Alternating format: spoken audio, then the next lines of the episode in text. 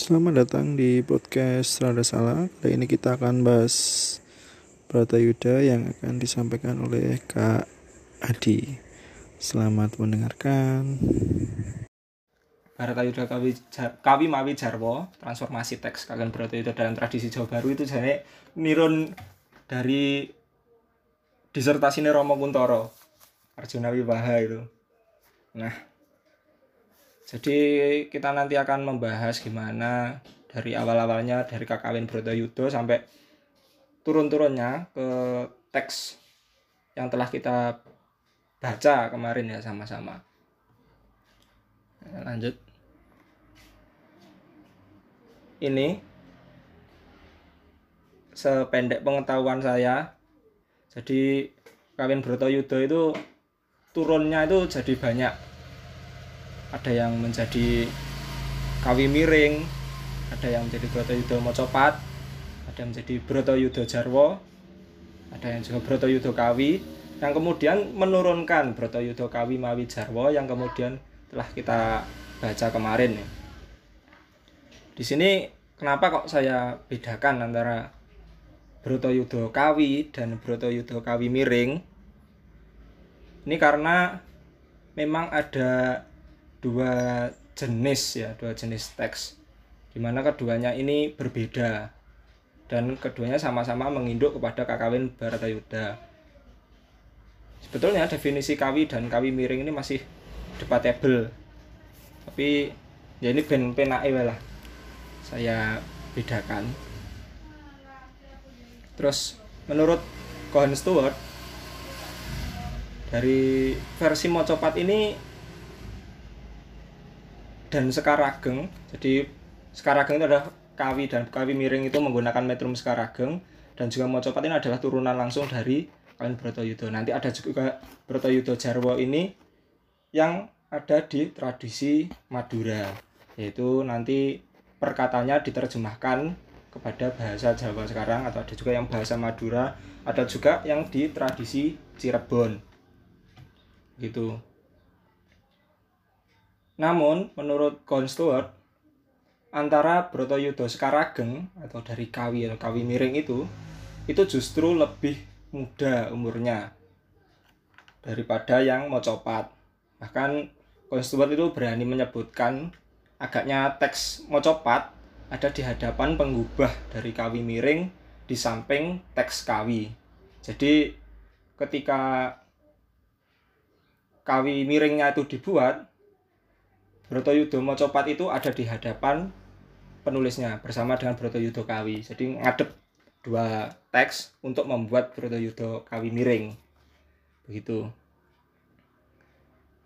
Kemudian untuk kawi miring ini tadi kenapa kok dibedakan ya? Karena di kawi miring itu Barbara McDonald di kemarin yang saya kirim itu kawi and kawi miring menyebutkan kalau kawi miring ini terdiri dari 92 pupuh. Ini naskahnya ada di Kitleaf di Leiden. Sementara ada juga yang menyebutkan bahwa Brotoyudo Kawi Miring yang ada di Perpustakaan Nasional dengan pada naskah KBG 720 itu memiliki 93 pupuh. Jadi beda satu pupuh dengan yang disebutkan McDonald yang ada di Belanda tadi. Yang ada di Perpusnas itu bahkan punya sorogan. Di sorogan itu seperti apa ya? Pembantu. Jadi ada naskah lain yang menyebutkan dan mendata pupuh-pupuh yang terdapat di Brotoyudo Kawi Miring KBG 720 itu. Dan itu dikatakan naskah itu adalah naskah sorogan. Nah, tapi sore ini kita akan fokus ke Broto Yudo Kawi karena dari kemarin yang kita bahas adalah Broto Yudo Kawi dan Kawi Mawi Jarwo. Itu. Nah, ini nanti terbuka aja ya kalau mau nambah nambahkan barangkali ada yang mau ditambahkan monggo langsung aja. Wong yo iki mek sharing kok. Begitu. Lalu kita akan bahas dari kekawin Baratayuda sendiri dulu. KKWN ini adalah KKWN dari periode Jawa Timur. Kenapa kok Jawa Timur? Ya karena pusat kerajaan waktu membuat Kakawin Baratayuda ini adalah di Jawa Timur. Tepatnya di Kediri. Gitu, eh, di Panjalu. Itu. Terus Kakawin ini terbagi menjadi tiga bagian. Yaitu Manggala, narasi, dan epilog. Hal ini didasari oleh pendapatnya Pak Supomo ya. Pak Supomo meneliti Kawin Baratayuda ini tahun 93. Terus Manggala ini yang unik di era era-era Jawa Timur yaitu sama dengan e, bersamaan dengan Kakawin Semaradahana, ada juga Kakawin Sumana Santaka itu Manggala itu berisi tentang pertama itu puja kepada Istra Dewata atau Dewa Pelindung. Yang kedua adalah penghormatan kepada Tuan Sang Pengarang, seperti kalau di sini itu menyebutkan bahwa menghormati pada Jayabaya ya. Jayabaya yang ketiga adalah pernyataan tentang diri pengarang dan karyanya. Jadi nanti bisa dilihat di awal-awal yang kemarin yang kita baca. Gitu. Terus apa ini merupakan nukilan dari Mahabharata. Kenapa kok nukilan? Ya karena memang isinya cuma perang Baratayudanya. Dan kalau Mahabharata itu kan sangat panjang ya, yaitu ada Astadasa Parwa. 18 Parwa itu ya, mulai dari Adi Parwa sampai Swarga Rohana Parwa. Nah, sedangkan Baratayuda ini dimulai dari misi Kresna ke Hastina, tengah-tengah Udyoga Parwa. Udyoga Parwa ini adalah parwa yang menjelaskan ketika Pandawa dan Kurawa itu saling bertukar delegasi untuk apa ya? Petung lah. Jadi petung piye ki penake damai wae apa perang wae begitu. Hingga kemudian berakhir sampai kemenangan penuh Pandawa atas Kurawa sampai akhir dari Sauptika Parwa tidak sampai ke Swarga Rohana Parwa ya. Dengan demikian mencakup episode dari dua Parwa yang masih ada yaitu Udyoga Parwa dan Bisma Parwa dan dari empat Parwa yang hilang yaitu Dur Durna Parwa, Karna Parwa, Salya Parwa dan Sauptika Parwa. Kenapa kok dikatakan hilang si Druna Parwa, Karna Parwa, Salya Parwa dan Sauptika Parwa ini karena memang belum ada teksnya, tidak ada teksnya. Tapi kenapa kok bisa dikatakan hilang atau diyakini pasti ada? Ya karena dari babonnya di India seperti itu. Gitu. Terus lanjut. Nah, ini. Ini di atas jelas ya ini tulisannya angkanya. Angka 1079 ini adalah kemarin dari naskah yang kita baca bersama Kakawin ini kan ditulis oleh Empu Sedah dan Panuluh pada masa pemerintahan Jaya, Raja Jayabaya di Kediri, tepatnya pada tahun Sanga Kuda Suda Candrama. Ya, ini adalah sengkalan. Sanga dia songo, kuda itu berarti tujuh, suda itu kan suci. Suci itu nol, dan candrama atau bulan itu satu. Jadi dibaca dari belakang 1079 Shaka atau 1157 Masehi. Sama ya, selanjutnya Kakawin merupakan bagian dari epos besar Mahabharata. Kakawin ini terdiri dari 730 bait menyertakan 7 bait Manggala dan 11 bait epilog. Ini ada di bukunya Pak Peter Worsley di Kakawin Sumana Santaka itu. Nah, yang menarik adalah adanya 7 bait Manggala dan 11 bait epilog ini. Karena apa? Ketika di periode Jawa Timur semakin pendek kakawinnya justru Manggala dan epilog ini lebih panjang. Jadi kalau Baratayuda ini 730 bait, dia punya 7 bait Manggala dan 11 bait epilog. Di Semaradahana itu kurang dari 500 bait sedangkan dia punya 7 bait manggala dan 16 epilog. Sedangkan Sumana Santaka yang lebih panjang terdiri dari 1100 bait itu cuma punya dua bait manggala dan tiga bait epilog seperti itu jadi ini eh, baitnya yang menunjukkan tahun dibuatnya kawin Baratayuda itu adalah Nahandon Empu Sedah Makir Tia Saka Kala Sanga Kuda Suda Candrama. Ini di pupuh pertama bait keenam baris pertama. Itu kita lanjut ke kemarin. Buku yang saya kirim di grup itu soal kawi dan kawi miring sebuah tradisi Jawa pada abad 18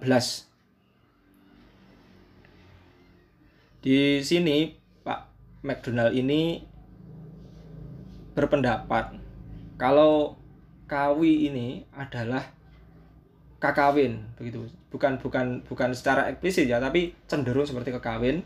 Sedangkan kawi miring ini adalah tradisi yang dimulai pada era Surakarta awal itu pada tahun-tahun itu abad 18 akhir dengan bentuk sekar ageng. Sekar ageng ini berbeda dengan kakawin ya. Jadi kalau sekar ageng itu menggunakan lampah dan pedotan. Sampah dan pedotan ini menggantikan seperti menggantikan dari sistem guru dan lagu di kakawin. Kalau di kakawin kan ada guru dan lagu. Kalau guru itu suku kata berat, kalau lagu itu yang pendek. Kalau nggak salah gitu, boleh balik. Nanti mohon dikoreksi Mas Rindra. Nah, kalau di Sekarageng itu nanti ada lampah dan pedotan. Nanti akan kita bahas lebih jauh di bawah dengan contohnya gitu dan tradisi kawi dan kawi miring ini itu mulai ngetren ya pada masa Renaissance Jawa pada era Paku Buwono ketiga dengan Pujangga Yasodipuro 1 dan 2 nah kenapa kok disebut Renaissance Jawa karena ya hampir sama dengan kejadian Renaissance yang terjadi di Yunani. Ketika waktu itu kebudayaan Roma mulai mengadopsi kembali karena rindu akan nilai-nilai lama, kemudian membuat karya-karya sastra yang berkiblat pada kebudayaan Yunani. Begitu juga di Jawa ini. Ketika abad 18 mereka membuat karya-karya sastra bukan membanyak eh, seperti menyadur karena mengingat dan merindukan nilai-nilai lama dari tradisi Jawa kuno. Tuh. Kita lanjut ke Brotoyudo Kawinya. Di ini ada beberapa gambar saya pasang. Ini adalah gambar dari Paku Buwono III. Paku di era Paku Buwono III ini memang banyak ya seperti tadi yang saya katakan bahwa eh, terjadinya Renaissance Jawa itu banyak karya-karya sastra yang berkiblat pada tradisi Jawa kuno seperti Serat Raumo, terus Bharata Yudha ini, terus ada juga Wiwoho Kawi, ada Wiwoho Jarwo, terus ada juga Paniti Sastro. Nah kalau Paniti Sastro itu nanti teman-teman bisa baca penelitiannya Pak Alex Sudewa. Sudah di dibahas dari era Paniti Sastro Jawa kuno sampai ke Jarwo juga. Terus yang di sebelah kiri ini eh, di bawah tulisan Brotoyudo Kawi ini adalah naskah yang pernah diteliti oleh Pak Willem van der Molen yaitu adalah Brotoyudo yang ada di Merapi Merbabu. Itu kalau tidak salah ini adalah kodenya L 103 yang ada gambarnya ini. Selain itu ada satu naskah lagi yaitu L268 kalau tidak salah. L268 ini lengkap dalam artian kemungkinan lengkap karena ada karena ada bagian yang hilang yaitu 8 pupuh pertama dan ada beberapa bait juga yang hilang. 8 pupuh pertama hilang kemudian sampai ke akhir lengkap. Sedangkan L103 yang ini ada gambarnya ini adalah eh, sejenis kutipan-kutipan yang diduga oleh Pak Manun mungkin ini adalah ada kaitannya dengan tradisi pedalangan. Mungkin sebagai catatan untuk suluan atau dan lain sebagainya. Yang menarik bahwa di awal ini adalah menggunakan aksara Jawa, sedangkan di akhir-akhir menggunakan aksara Buddha. Gitu. Kemudian untuk tradisi kutipan-kutipan atau petian-petian yang mungkin adalah yang dinilai yang bagus-bagus atau yang mungkin digunakan dalam pedalangan ini juga ada naskah sejenis tetapi ini sudah masuk tradisi Surakarta ya. Naskahnya ada di Mangkunegaran. Kodenya kalau tidak salah MN 471 atau D5 kode katalog lokalnya D5 itu juga sama. Itu hanya berisi kutipan-kutipan tetapi di bawahnya itu ada terjemahan perkatanya di termasuk naskah Jarwo. Nah, kemudian ini yang menarik e, ada gambar di bawah ini. Ini adalah dari naskah e, Broto Yudokawi Jarwo. Kodenya MN472 atau kode katalog lokalnya D6. Di sini sebelum bait yang sama seperti yang kita baca kemarin di Broto Yudo Kawi Jarwo yang kita baca kemarin ada tambahan beberapa bait. Mungkin mungkin ini bisa lebih dari dua ya tetapi yang terlihat di naskah itu yang tersisa ada cuma ada dua dua bait. Dan dua itu pun yang satu hanya terpotong setengah. Karena kan satu sampai tiga halaman awal itu hilang. Nah ini yang menarik ada kata-kata Paku Buwono Tri. Ini adalah di teks kawinya Paku Buwono Tri. Apa itu Kasrep Mahyun Mahayun Met Sudarsono. Kemudian ini dijarwakan diartikan sebagai Paku Buwono ping 3 Kadereng Karso pendet mendet mendet tetuladan sae itu. Jadi mungkin mungkin ya ada versi yang lebih lengkap dari teks Broto Yudo Kawi jadi mengapa tadi saya bedakan antara Broto Yudo Kawi dan Kawi Miring? Itu karena ya ini ada perbedaan yang tadi 92 dan ada 93 bait itu sangat berbeda dengan kekawin Broto Yudo. Tapi Broto Yudo Kawi ini sangat persis dengan kekawin Brotoyudo hanya saja menggunakan metrum sekarageng. Begitu. Dan ini yang menarik ada tambahan ini dan menyebutkan Paku Buwono Tri. Berarti bisa diduga bahwa Brotoyudo Kawi ini dibuat di era Paku Buwono ketiga. Jadi sekitar tahun ya abad 18 akhir. Itu kemudian kita lanjut ke Jarwo. Terus apa tuh Jarwo itu? Ini, ini saya ambilkan dari disertasinya Romo Kuntoro. Ini dalam hubungan dengan karya-karya sastra Jawa kuno istilah Jarwo secara umum berarti pengalian karya sastra Jawa kuno ke dalam bahasa Jawa baru dalam bentuk gancaran atau prosa, tembang atau mocopat, dan pengalian ke dalam bahasa kawi atau biasa disebut kawi miring. Berarti kalau mendasarkan pada pendapat ini, ketika kita membahas teks Broto Yudo Kawi Jarwo, berarti mengalami dua kali penjarwaan setidaknya, yaitu dari Broto Yudo Kawin dijarwakan menjadi Broto Yudo Kawi, kemudian dijarwakan lagi menjadi Kawi Jarwo. Begitu.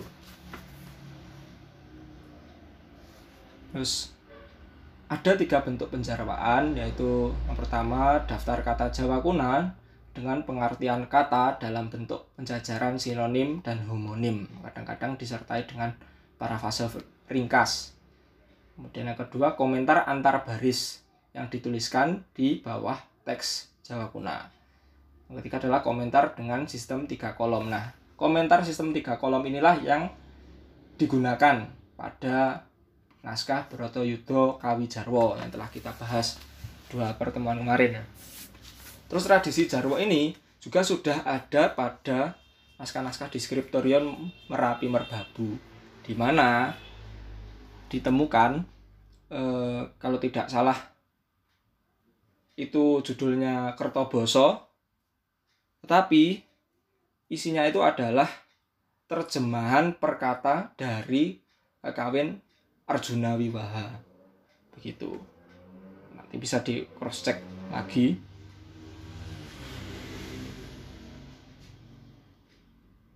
Terus dengan tradisi ini eh, mulai ngetren ya berarti pada era-era Merapi Merbabu sampai dengan mempengaruhi tradisi tradisi di Surakarta.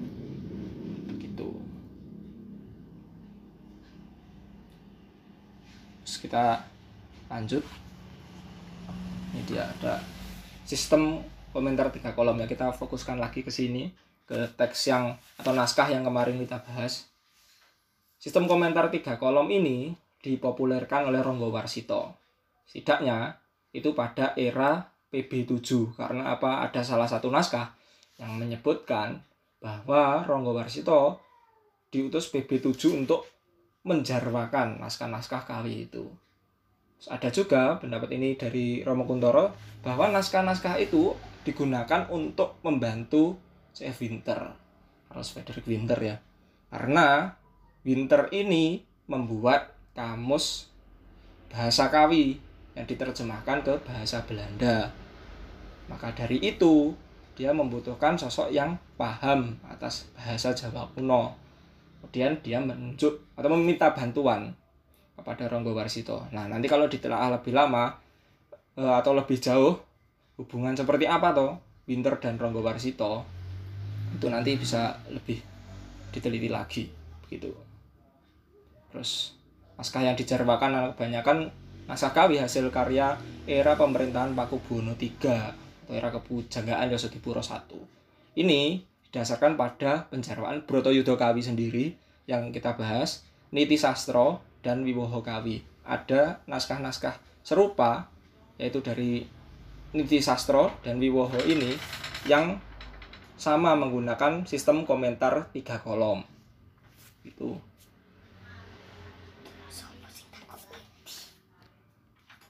Lanjut. Nah, ini adalah rebus naskahnya yang saya buat warna-warni agar enak nek bahas jadi ada banyak ya. Naskah yang sama dengan sistem komputer ke kolom dan sama-sama dari Broto Yudo Kawi yaitu Sar Broto Yudo Kawi Jinarwo. Ini dari koleksi Keraton Kasunanan ya dilihat dari kodenya KS KS 430 terus Kakawin Barata Yuda dan kode katalog CS7 ini adalah yang kemarin kita bahas, yang kita baca. CS7, kemudian serat Broto Yudo Kawi Jinarwo, Ronggo Warsito dengan kode katalog KBG 123. Nah, ini saya warnai merah karena keduanya adalah sama-sama koleksi perpustakaan nasional. Gitu. Terus ada serat Broto Yudo Kawi Jinarwo dengan kode katalog RP9702. Ini dilihat dari kodenya jelas bahwa ini dari Radio Pustoko. Kemudian yang terakhir adalah serat Brotoyudo Kawi Mawi Jarwo Saropika Jengipun. Ini adalah dari MN 472 dilihat dari kodenya ya MN adalah koleksi Mangkunegaran gitu. Terus dari KS ini dari koleksi eh, keraton ini belum belum sempat saya lihat karena ya kita tahu sendiri bahwa keraton menutup ya akses ke Sono Pustoko. Tetapi dari katalog ada keterangan bahwa Serat Yudo Kawi Jenarwo yang ada di Keraton Kasunanan ini tidak lengkap. Gitu. Kemudian ada Kakawin Yuda CS7 dan Serat Yudo Kawi Jinarwo Ronggo Warsito KBG 123 ini keduanya adalah naskah dari perpustakaan nasional nah naskah KBG ini yang KBG 123 ini tidak lengkap. Sedangkan CS7 ini yang versi lengkap. Saya belum e, melihat secara utuh ya karena sebetulnya mau saya riset secara langsung tetapi CS7 ini masih terhalang sama pandemi ini. Kemudian e, serat Brotoyudo Kawi Jinarwo yang ada di Radio Pustoko ini lengkap. Terus ada keterangan bahwa di, ini disalin pada tahun 1864 oleh cucu dari Paku Buwono VII gitu. Atau mungkin ini adalah kepunyaan dari cucu Paku Buwono VII gitu. Oh ya tadi terlewat. Dengan koleksi yang ada di Perpusnas ini adalah ditulis atau disalin pada tahun 1860 dan keduanya mirip. Nanti akan kita lihat kenapa kok ini keduanya ini mirip dan ditulis pada tahun yang sama gitu. Kemudian ada lagi serat Brotoyudo Kawi Mawi Jarwo Sarwi Pikajengipun. Ini adalah tadi yang potongannya ada tulisan Paku Buwono Tri. Ada naskah dari Mangkunegaran. Sayangnya naskah ini korup banyak. Hilang sekitar 60 halaman lebih. Begitu. Dan tidak ada keterangan bahwa kapan naskah itu disalin atau ditulis. Begitu. Dan kita lanjut slide berikutnya. Ini adalah tiga naskah yang sedang dalam penelitian saya. Karena ini menurut saya yang paling lengkap. Ini adalah yang di pojok kiri. Ini adalah sampul yang ada di Mangkunegaran ya. Bisa dibaca serat Broto Yudo Kawi, Mawi Jarwo, Sarwo Pikajengipun. Itu.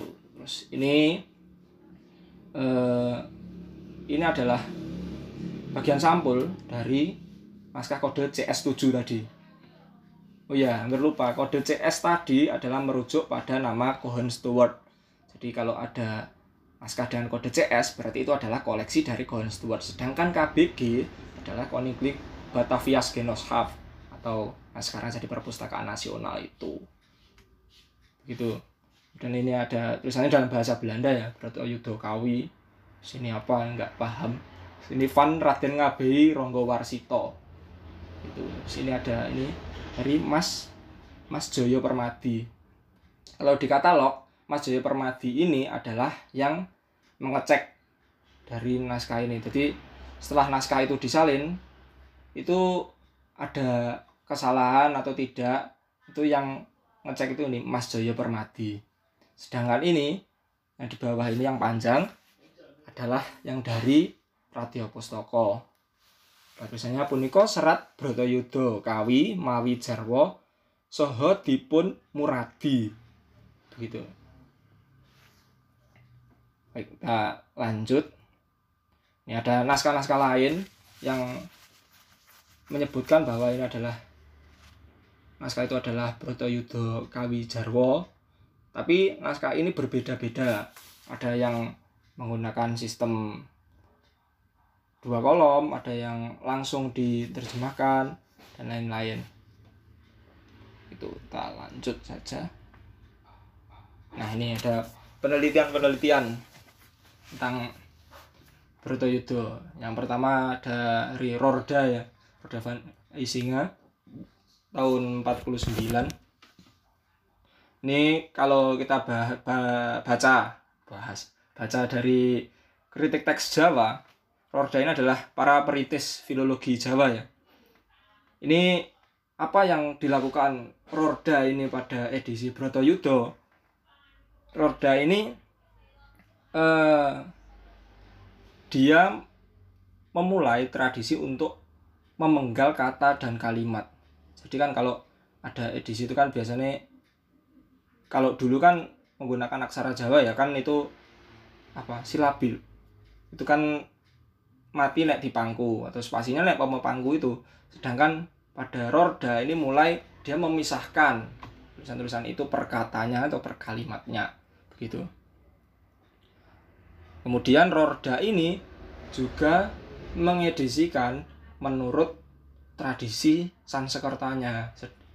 Maksudnya kosakata kosakatanya yang salah itu dikembalikan ke tradisi Sansekertanya. Seperti kalau kita sekarang mengenal tokoh Sengkuni atau Sangkuni, ini oleh Rorda dikembalikan menjadi Sakuni. Karena menurut tradisi Sansekerta yang benar adalah Sakuni. Itu. Kemudian ada eh, ada John Stewart. Ini pada tahun 1860. Kenapa saya merah ini karena paling menarik. Dari tahunnya 1860 ini adalah tahun yang sama dengan naskah CS7 dan KBG 123 tadi dibuat. Mungkin saja naskah dari CS7 dan KBG 123 tadi dibuat atas proyek dari Cohen Stewart untuk keperluan penelitiannya. Itu. Terus apa yang dilakukan Cohen Stewart dalam penelitian Broto Yudo ini? ini Cohen Stewart ini malah alih-alih membuat edisi justru dia membuat saduran. Karena dia berpendapat bahwa sulit untuk menemukan naskah yang dianggap sebagai naskah induk gitu.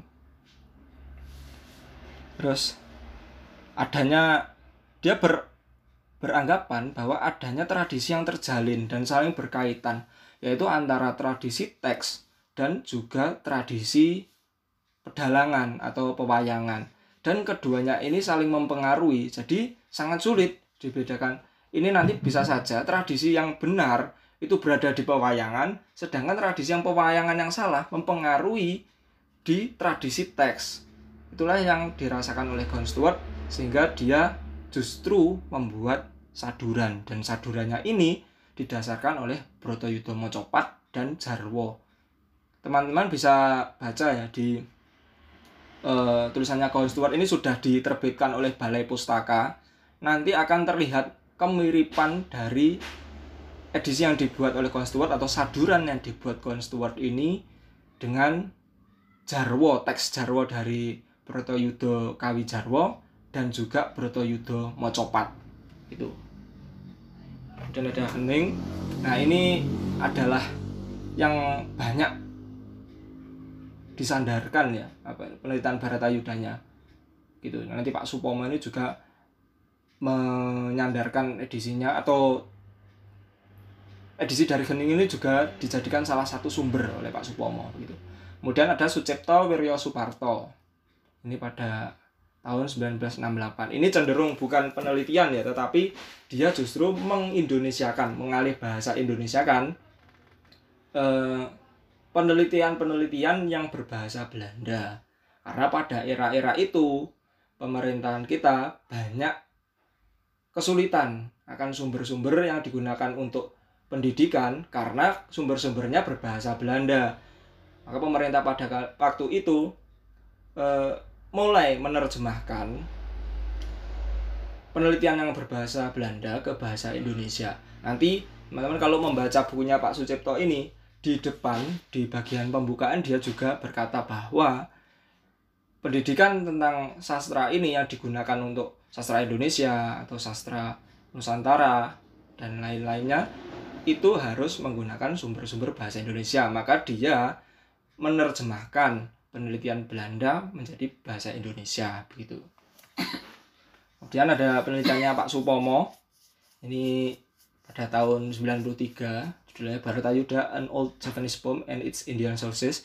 Ini uh, dia kalau tidak salah itu membandingkan dari sekitar tidak membandingkan mengecek dulu dan kemudian dieliminasi ya tentunya sekitar 97 naskah kakawin ya ini penting ya ini adalah naskah kakawin yang digunakan untuk edisinya karena apa? Naskah Brotoyudo Kawijarwo yang ada di Perpusnas tadi, CS7 dan KBG, dieliminasi oleh Pak Supomo karena dianggap tidak memenuhi syarat sebagai kakawin. Kayak karena memang mereka adalah sekarageng.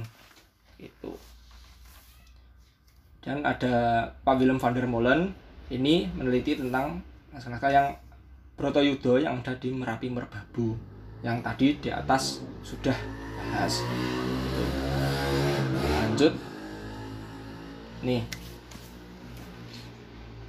Kawin Broto Yudo dalam pedalangan ini gambarnya saya ambilkan dari bukunya Pak S. Patmo Sukoco atau Pak Sitam Patmo Sukoco ini judulnya Suluk Pedalangan.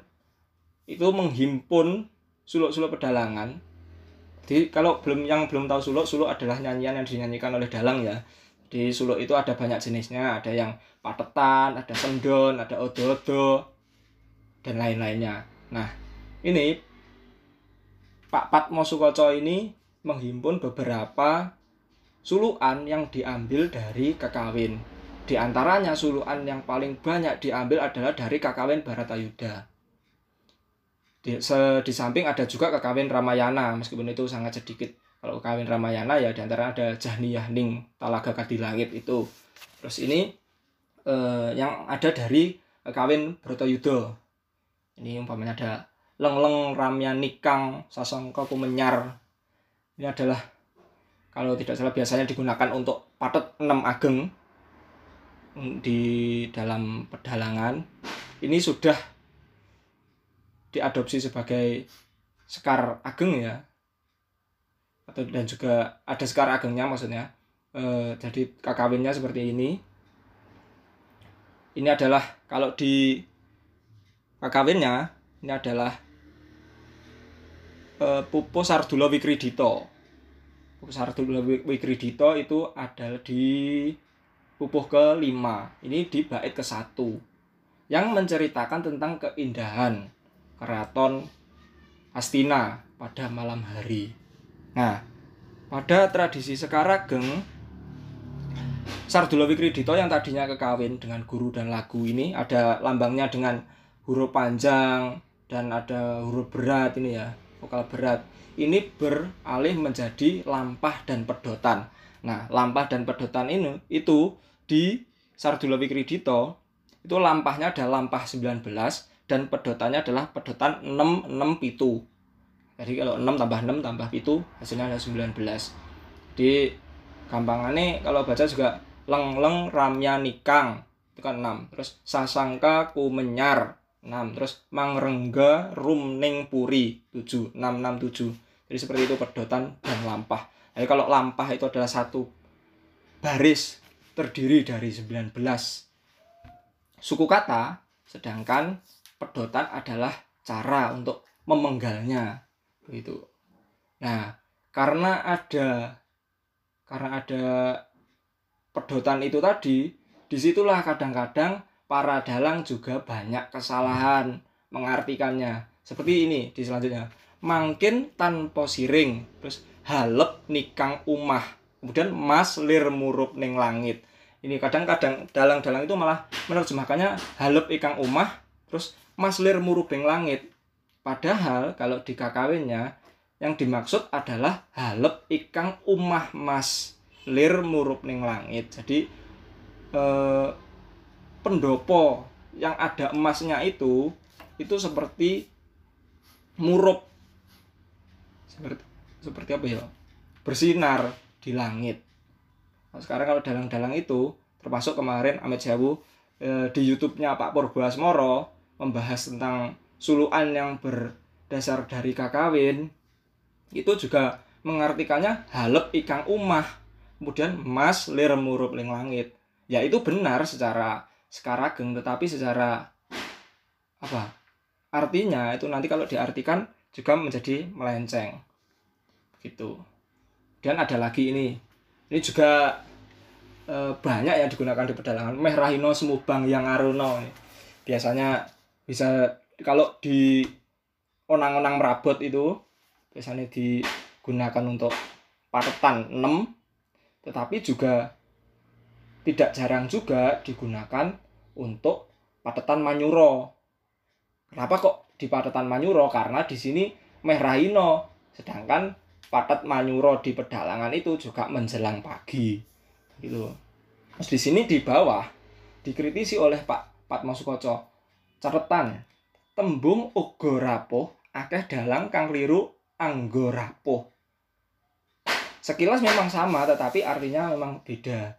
Kalau anggo itu kan tubuh rapuh sakit gitu. Jadi diartikan Meh Rahino itu hampir pagi. Semubang yang aruno itu mulai kemerah-merahan yang aruno matahari kadi netraning anggorapo seperti matanya orang sakit.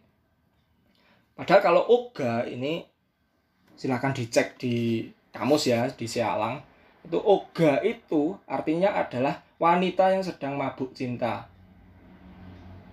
Jadi sangat jauh ya pergeseran pergeserannya. Tapi ya ini masih debatable lah gitu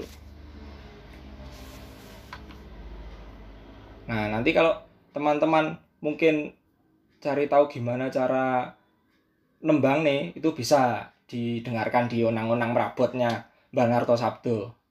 Itu nanti juga manut pada lampah dan pedotannya juga. Oh ya, untuk ini yang kedua ini Mehrahino ini adalah dari Sekarageng Sasadoro Kawekas. Sedangkan di kakawinnya namanya adalah Wisarjito gitu. Sasadoro Kawekas ini mempunyai lampah 20. Sedangkan pedotannya 776. Jadi nanti jangan kaget kalau ini kok medote kok ora pas neng gini akhir tembung ya karena pedotannya di 776 itu ya merahino semubang terus yang aruno kadine trane ogarapo mereka biasanya seperti itu kalau teman-teman mendengarkan di onang-onang perabotnya Mbah Narto Sabdo yaitu karena menyesuaikan pedotan dari Sekarageng Sasadoro Kawekas yaitu 776 gitu. Terus yang menarik di sini adalah ada kata aruna. Aruna ini kadang di apa ya diterjemahkan sebagai dewa matahari, tetapi kalau kita merujuk pada Adiparwa, Aruna ini adalah kakak dari Garuda atau Garuda, anak dari Winata dan Maharsi Kasyapa. Jadi pada waktu itu Winata itu mempunyai dua telur, mempunyai anak dua telur. Kemudian ada istri dari Maharsi Kasyapa lainnya yang namanya Kadru itu kalau tidak salah punya seribu atau seratus telur kemudian udah menetas menjadi ular-ular si Winata ini kan waduh masuk anakku kok orang lahir-lahir maka dari itu salah satu telur tadi dipecah oleh si Winata. Kemudian lahirlah seekor burung yang belum sempurna. Yang se belum sempurna kemudian diberi nama Aruna. Karena belum sempurna, si Aruna ini marah kepada ibunya. Kemudian dia ngesot ke ibu E ya. Kalau bakal diperbudak oleh Kadru dan juga anak-anak ularnya tadi itu. Sedangkan yang akan membebaskan Winata dari kutukan itu adalah adiknya si Aruna ini yang masih berwujud telur yang nantinya akan bernama Garuda. Itu. Sedangkan nanti Aruna ini diangkat menjadi oleh dewa ya. Dia dianugerahi untuk menutupi matahari supaya panasnya tidak terlalu terik sampai ke bumi. Itu. Jadi Aruna ini e, kalau di Adiparwa bukan mataharinya, tetapi sesuatu yang menyelimuti matahari. Seperti itu. Kemudian kita lanjut ke nama baru yang muncul karena salah interpretasi. Nah, ini untuk teman-teman yang paham pedalangan ya. Nama yang pertama yang eh, yang ada di Kawin Brotoyudo itu sebetulnya tidak ada, ya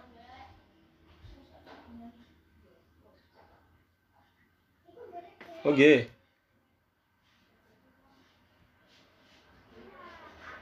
Yo.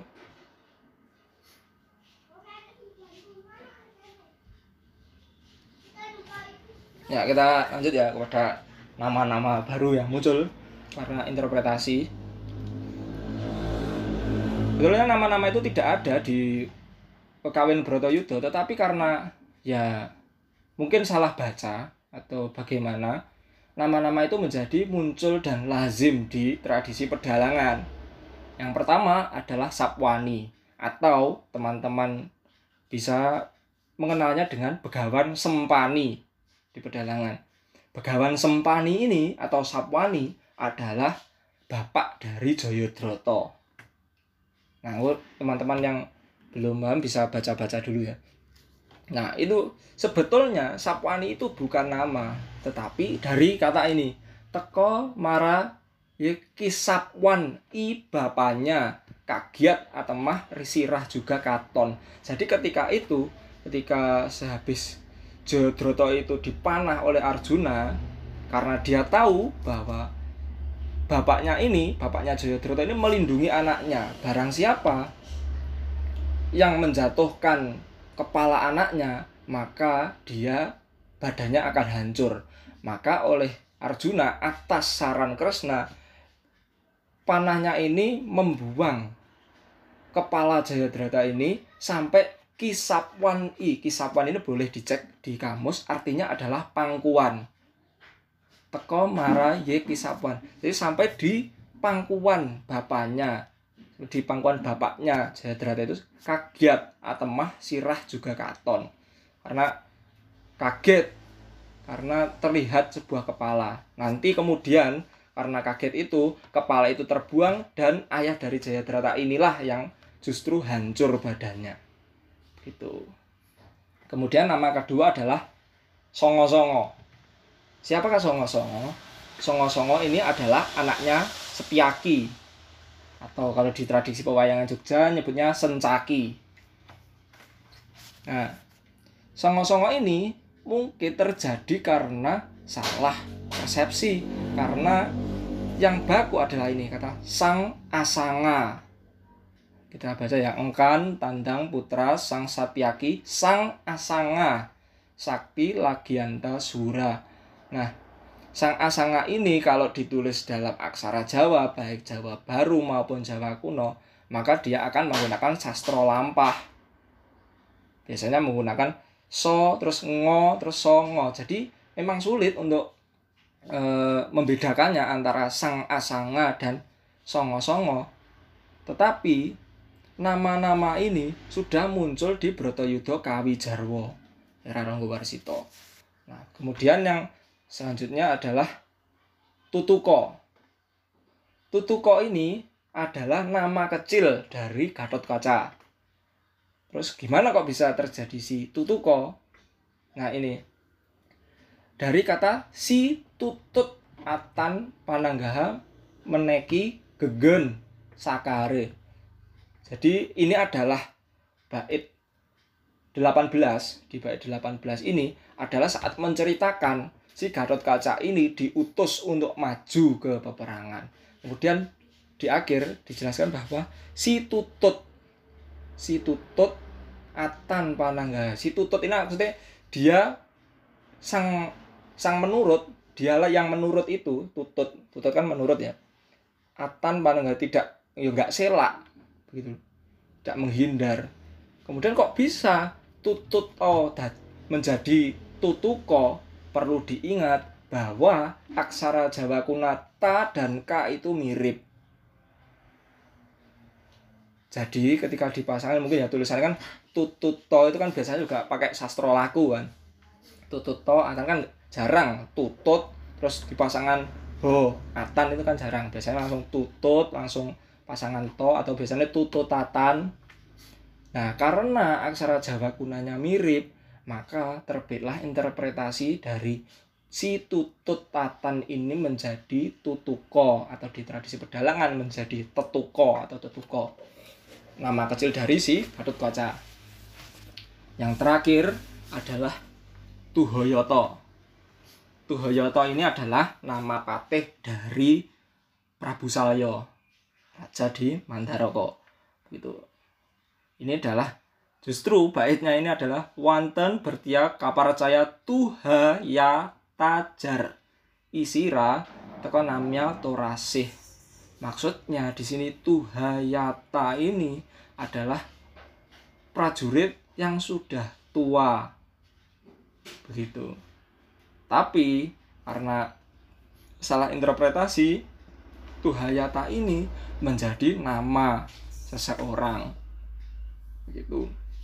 Nah, kemudian yang berkaitan dengan naskah Brotoyudo Kawi Jarwo tadi, nama-nama di atas ini seperti Sapwani, Songo-songo, Tutuko, Tuhoyoto ini sudah muncul di Brotoyudo Kawi Jarwo. Sedangkan di Brotoyudo Kawi masih beberapa utuh seperti songo-songo ini memang ditulis sanga-sanga ya tetapi ketika di Brotoyudo Kawi Jarwo Ronggo Warsito menyebutkan sang songo-songo. Jadi tidak mungkin menjadi sang itu diinterpret interpretasikan menjadi sang asanga karena di depannya sudah ada kata sang lagi. Begitu begitu juga dengan Sapwani dan Tetuko. Gitu. Terus kenapa kok nama-nama ini bisa populer di pedalangan? Perlu diingat si Ronggo Warsito ini selain membuat eh, Broto Yudo Kawijarwo dia juga membuat Pustaka Raja Purwa yang yang dijadikan sebagai babon kita pedalangan. Maka kemudian ketika itu sudah menjadi babon kita pedalangan maka sangat mudah untuk menyebarnya dari kesalahan-kesalahan ini. Ya tidak apa-apa ya karena itu kan kesenian yang namanya kesenian kan dinamis dan berkembang. Seperti itu mungkin seperti itu dulu teman-teman presentasi dari saya untuk apa ya? Ya megur sekedar sharing aja karena ini saya megur nuntas ke wajib dari Mas Rindra. Di nanti mungkin kalau mau tanya-tanya monggo. Atau mau berdiskusi. Makasih.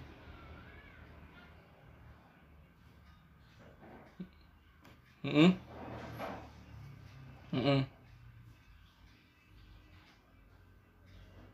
Mm -mm.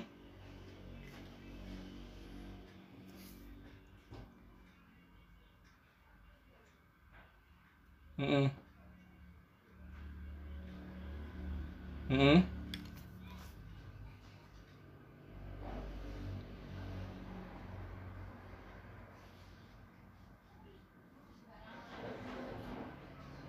Oh begitu.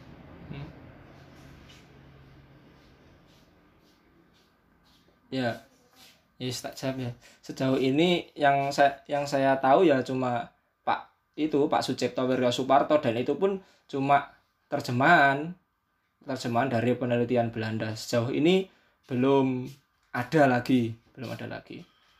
Terlebih ya, terlebih ini di tradisi kawi miring dan kawi Jarwo ini memang susah. Kalau Baratayuda orang Indonesia itu sudah ada itu Pak Supomo, tapi memang menggunakan bahasa Inggris karena penelitiannya ada di India. Karena dia meneliti juga korelasi dari Baratayuda yang ada di sini dengan Baratayuda atau Mahabharata di India gitu. Ya dongak nih wae muga-muga.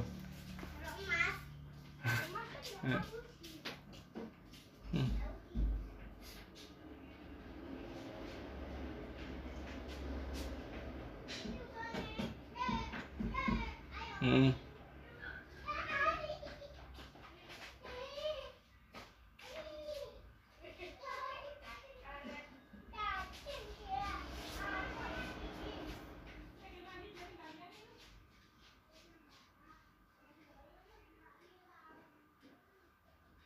Waduh. Kalau Baratayuda ya itu mungkin dari penelitiannya Pak Supomo sih menurut saya yang paling besar sih ya. Karena yang yang terbaru terutama per tahun 93 ya. Kalau mau baca penelitiannya Konstewort Gening ya enggak ya enggak apa-apa. Tapi ya itu bahasanya Belanda. Gitu. Kalau penelitiannya Pak Supomo itu pakai bahasa Inggris tetapi ya itu berdasarkan teks atau manuskrip atau naskah. Sedangkan kalau Pak Sucipto tadi ada terjemahannya bahasa Indonesia ada bukunya saya cek di Tokopedia juga ada kok. Tetapi ya itu bukan pen, bukan penelitian terhadap naskah. Cuma kayak apa ya penerbitan buku dan mengalih bahasakan ke bahasa Indonesia gitu.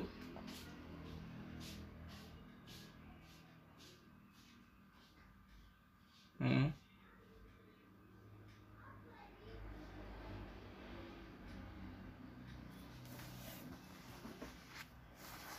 Nih.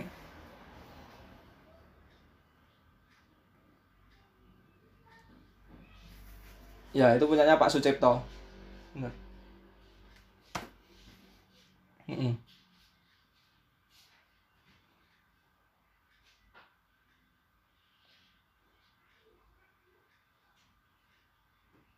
Ya memang apa ya?